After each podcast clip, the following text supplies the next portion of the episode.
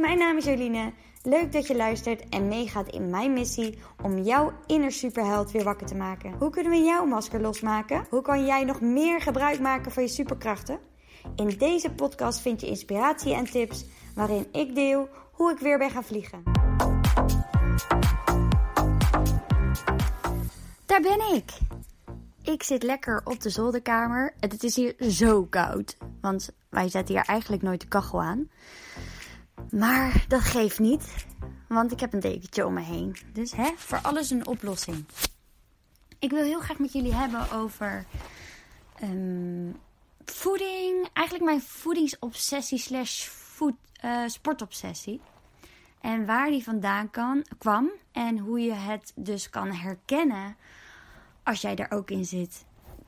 Misschien niet alleen maar een obsessie over sport of voeding, uh, hoe je eruit moet zien of maar misschien heb je andere obsessies waar je induikt als je bijvoorbeeld um, in een beschermingsmechanisme schiet.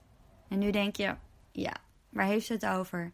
Ik ga gewoon vertellen hoe dit bij mij is ontstaan. Want mijn, uh, het begon eigenlijk bij mij bij mijn turntijd. Ik heb natuurlijk heel, natuurlijk, ik heb fanatiek geturnd. Dit heb ik verteld in mijn eerste podcast. En toen ik daarmee stopte, ja, toen viel ik dus in een zwart gat, waardoor ik veel ging eten. Turnen was een stukje identiteit voor mij. Ik ben turnster. Dat was uh, wie ik was als klein meisje. Daar stond ik bekend mee. Daar was ik goed in. Dus um, ja, dat was voor mij belangrijk.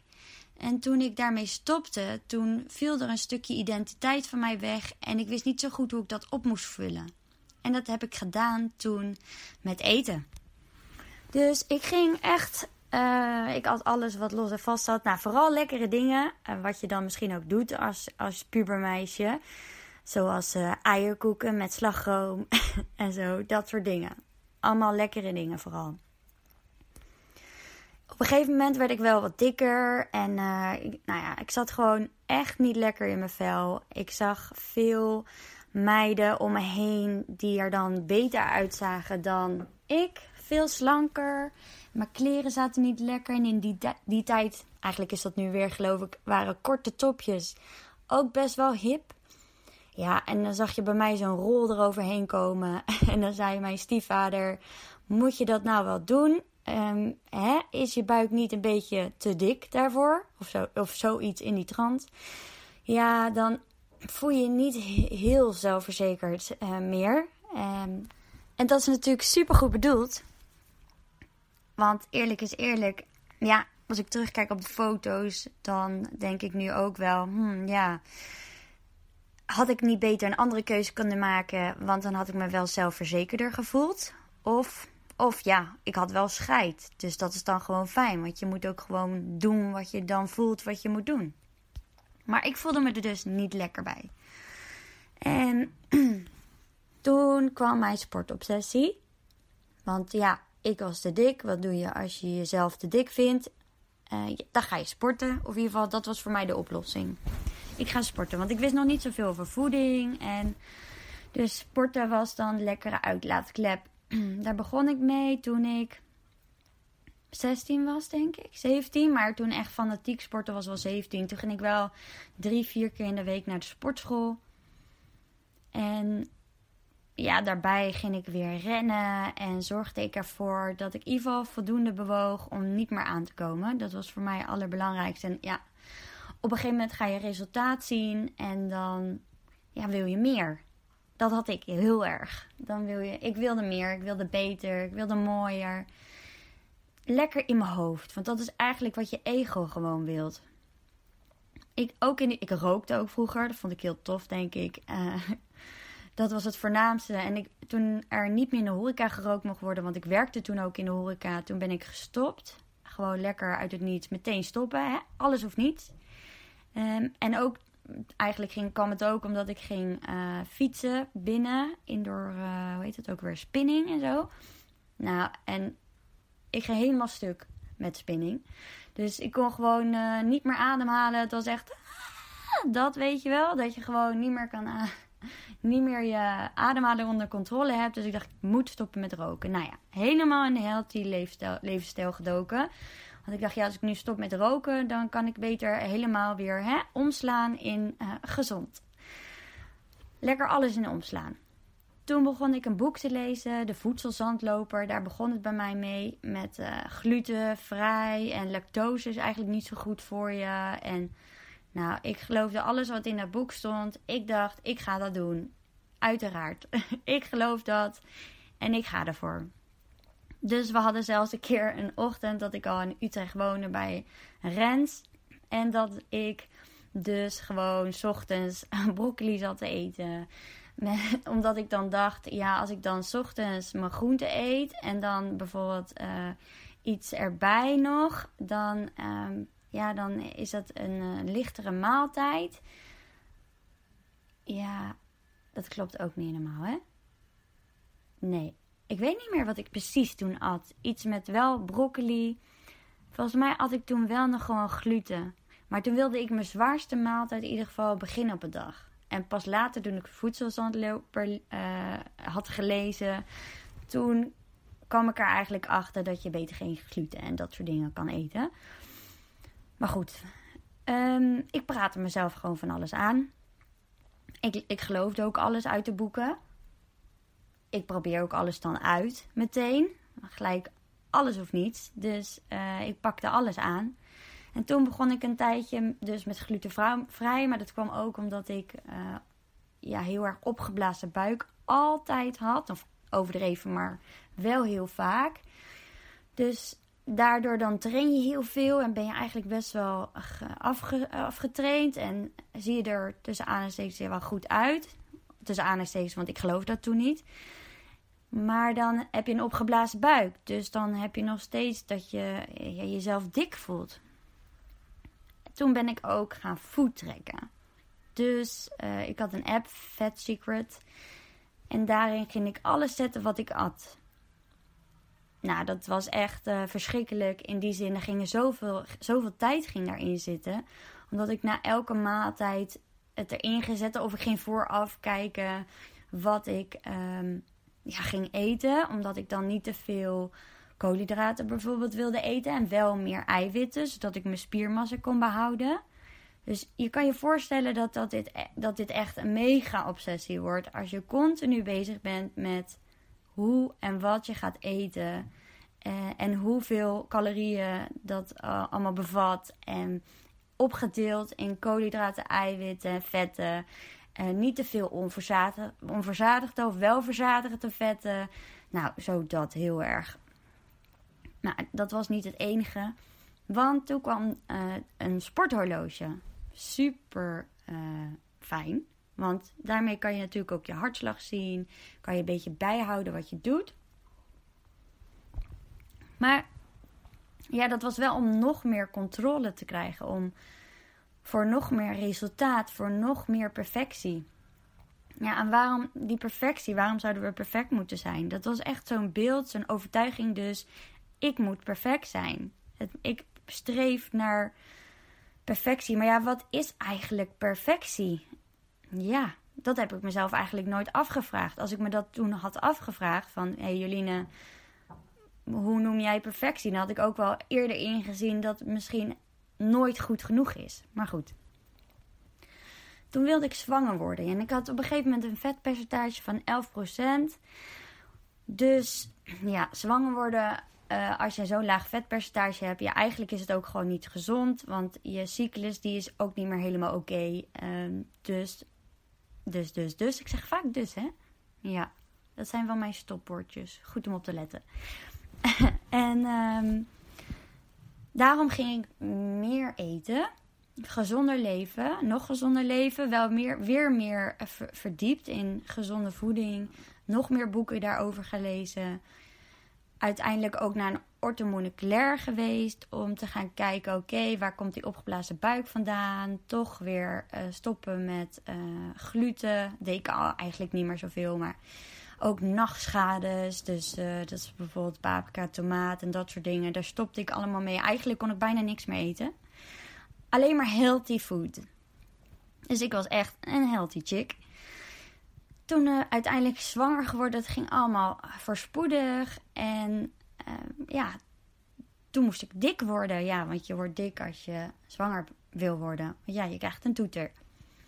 Maar ik heb er alles aan gedaan om niet te veel aan te komen. Want dat was voor mij super belangrijk. Uiteindelijk door mijn zwangerschap denk ik dat ik wel die bewustwording heb gecreëerd van... Ja, waar ben ik nou eigenlijk allemaal mee bezig? Ik kreeg ook wel wat meer scheid in mijn zwangerschap. Uh, ik was wel heel geobsedeerd natuurlijk van... Ja, als ik te veel eet, dan kom ik misschien te veel aan. Ik was er nog wel mee bezig. Maar ja, die overtuiging van ik moet slank zijn bijvoorbeeld. Ja, dat ging niet op, want ik was niet slank. Ik had die buik. Dus die viel al op dat moment een beetje weg.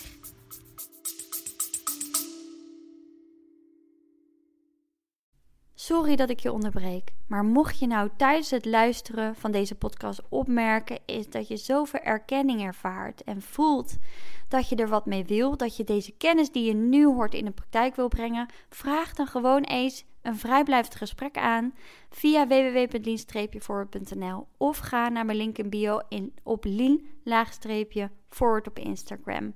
En dan kletsen we even over jouw uitdaging, je verlangens. Dan kan ik direct die rode draad eruit pikken waar jij mee aan de slag mag gaan. En dan kunnen we kijken en mag jou voelen of later beslissen zelfs nog of jij in eventueel het één, traject zou willen stappen. Dus wie weet ga ik je zien. Gezond eten vond ik nog steeds belangrijk. Want ja, ik had een kindje in mijn buik. Ik wilde goed voor dat kindje zorg, uiteraard. Maar ja, ik werd er helemaal uh, eigenlijk wel. Ja, toen wel was ik wel van bewust dat ik dit niet meer wilde zoals ik het deed. Maar ik wist nog niet zo goed hoe ik dat moest doorbreken. Toen ging ik uh, later een training volgen over schaamteloos jezelf zijn. Nou, daar heb ik echt heel veel uh, aan gehad. Want toen werd ik me dus bewust van mijn identiteit, waar ik uh, de tweede podcast over heb opgenomen, over mijn patronen, over welke overtuigingen ik allemaal heb over mezelf. En ja, daar werd ik wel echt bewust van: oké, wat ik dus nu ben, dat hoef ik niet te blijven. Waar ben ik allemaal niet blij mee? En wat gebeurt er eigenlijk allemaal in mijn hoofd? En op dat moment wilde ik, eigenlijk, wilde ik eigenlijk vooral rust. Rust in mijn hoofd. Niet meer continu al die gesprekken in mijn kop. Echt de hele discussies die je dan hebt met, uh, met kleren bijvoorbeeld alleen als ochtends. Dat ik, ja, bij mij ging het echt ver dat ik zelfs, die controle was zo groot. Bijvoorbeeld uh, dat ik ochtends uh, in de kast keek en een broek aan wilde doen. En dat ik dacht, hmm, als ik deze broek nu aandoe en ik ga fietsen, ja, dat is niet handig. Want deze broek, al ga ik die in de was doen, dan wordt die heel lelijk. Dus dan kan ik die, ja, als ik die aan ga doen met fietsen, dan moet die in de was. Want dan ga ik wel een beetje zweten, want nou, mijn werk is 12 kilometer fietsen op een gegeven moment ging ik ook in mijn sportkleren naar werk fietsen. Dat is trouwens helemaal niet zo'n heel gek idee. Maar dat was ook met de overtuiging. Uh, ik wil niet dat mijn kleren. Ik wil leuke kleren aandoen. Maar ik wil, wil niet al mijn kleren gelijk in de was doen. Want dan wordt het lelijk. Nou, dat soort gekkigheid. Waar je allemaal wel niet mee bezig kan zijn. Nou, dat was voor mij bijvoorbeeld belangrijk. Maar ook dus de overtuigingen uh, die ik had. Ik moet slank zijn was uh, heel belangrijk. Dat was echt een obsessie. Het was nooit goed genoeg ook. Want dan, ik was eigenlijk best wel slank. Maar zo zag ik mezelf niet. Ik kan niet uh, ongezond eten, want dan word ik dik. Dus ik wilde ook nooit ehm, ja, slechte dingen eten tussen aanhalingstekens. Want dan ja, werd ik dik. En omdat je dat ook gelooft, gebeurt het ook. Hè? Dus dan at ik een keertje iets slechts. Bijvoorbeeld uh, hadden we een avondje Chinees of zo met mijn ouders. En dan stond ik de volgende dag natuurlijk weer op de weegschaal. Want die weegschaal was mijn beste vriend. En dan zag ik dat ik inderdaad was aangekomen. Waardoor je dus het zie je wel effect krijgt. En dus in schuldgevoelschap stap. Van oh nee, had ik het nou maar niet gegeten. Nu moet ik weer compenseren. Bla bla bla. Dus niet heel relaxed elke keer die schuldgevoelens ook niet. Als je wel een keertje wat lekkers eet. En of als je een keer op een verjaardag bent of ergens bent. Of ik moest bij mijn ouders eten, weet je wel. En dat we dan iets aten wat heel vet was. Tussen aanhalingstekens. Ja, dan wilde ik niet, durfde ik ook soms niet te zeggen: Mam, dit eet ik niet of zo omdat ja, zij doet haar best om iets te maken. En op een gegeven moment had ze er wel rekening mee gehouden. En uh, kocht ze ook alleen nog maar zoete aardappel en dat soort dingen. Nu eet ze ook super healthy. Zo grappig hoe dat dan gaat. Dat ze dan gewoon eigenlijk wel een beetje meebeweegt daarin. Maar ja, dat is toch wel ongemakkelijk. Of dat je elk taartje weer moet afwijzen. En dat je wordt aangekeken. Dat is dan natuurlijk aan hun. Maar daar, dan voel je je toch schuldig of zo. Dat je dan niet meegaat met de rest. Al is het heel belangrijk natuurlijk om je eigen gevoel te volgen. Maar dit was op basis van een overtuiging. Dus niet eigenlijk wie ik, wat ik echt voel. Dus ja, en obsessie dus. Nou, toen ik dit uh, helemaal onderzocht had, um, toen dacht ik ja, is dit eigenlijk wel waar? Want het is toch iets wat je jezelf aanpraat. En is het niet zo als je je ergens op focust? Dus als je denkt, nou, ik word dik, als ik bijvoorbeeld te veel vet eet. Gaat het dan niet vanzelf, wordt dat niet vanzelf zo aangestuurd of zo? Of ga je niet dan vanzelf een obsessie krijgen erover? Want ik ben bijvoorbeeld gek op pindakaas. En dan voelde ik me even niet lekker in mijn vel. Dan trok ik meteen die pindakaaspot open. En dan kon ik zo'n halve pot pindakaas opeten. En dan was ik ja, en dan voelde ik me daarna weer gewoon weer dubbel zo kut. Dus dan ga je ook zo'n uh, visuele cirkel, cirkel in. En dan hou je ook dit patroon in stand. Door zo'n obsessie ermee te hebben. Door in je overtuigingen te gaan geloven. Uiteindelijk ben ik dus gestopt met voettrekken. Dat was heel knap van mezelf. Dat was eigenlijk bij, volgens mij was dat bij mijn tweede zwangerschap. Dat ik dacht, oké, nu is het klaar. En nu ga ik het ook gewoon niet meer doen. Ben ik uiteindelijk wel nog gaan doen. Want na de tweede bevalling, ik had verteld, hè, levensdoodskwestie. Tijdens die bevalling ja, voelde ik me dus niet lekker. En stapte ik dus in mijn oude patroon over. Eh, om controle te krijgen over mijn leven. Door weer te gaan voettrekken. Door weer uh, veel te veel te willen ja, strak te willen zijn, zou ik maar zeggen. Omdat ik nog een los buikje had, bla bla bla. Ook daar was ik niet veel aangekomen. Maar toch wilde ik dat, toch wil ik, wilde ik er weer beter uitzien. Dat is echt die controle, dat controlestukje wat elke keer terugkwam. Na een half jaar, godzijdank, was ik toch gestopt met uh, voettrekken. Ik was er klaar mee. In die periode had ik natuurlijk ook hulp gekregen. Dus dacht ik, ja, maar ik had wel nog dat horloge. Want dat, dat heb ik echt, nou ja, tot voor kort. Dus drie maanden geleden of zo ben ik daar pas mee gestopt. Dus eigenlijk was ik wel zo ver dat, dat ik dus het voettrekken kon loslaten. Maar ik was nog niet zo ver dat ik het bewegen los kon laten. Ik moest echt wel uh, minimaal vier keer per week sporten om me goed te voelen. En ik praatte het ook goed als ik het dan een keertje niet deed. Dus dan zei ik: Nee, is niet erg, Jeline. Je mag heus wel een keertje rust houden. Maar stiekem voelde ik me daar niet echt lekker bij. Dus zelfs op vakantie en overal waar ik was. Ja, ik, ik, eh, geef ook bootcamplessen. Dus ja, ik kan overal gewoon mijn eigen sportles in elkaar uh, zetten. Of, ja, en ik doe gewoon wat. Ik heb elastiek, ik heb ook alles thuis. Dus ik hoef ook niet naar een sportschool. Super makkelijk. Dus ja, rust zat er niet uh, echt in.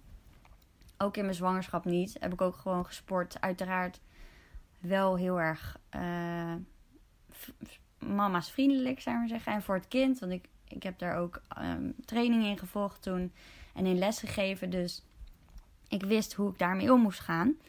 Ik heb mijn overtuiging om de loop genomen met The Work, waar ik zelf ook in mee coach. En daar kwam ook echt uit dat het uit mijn onzekerheid van vroeger komt.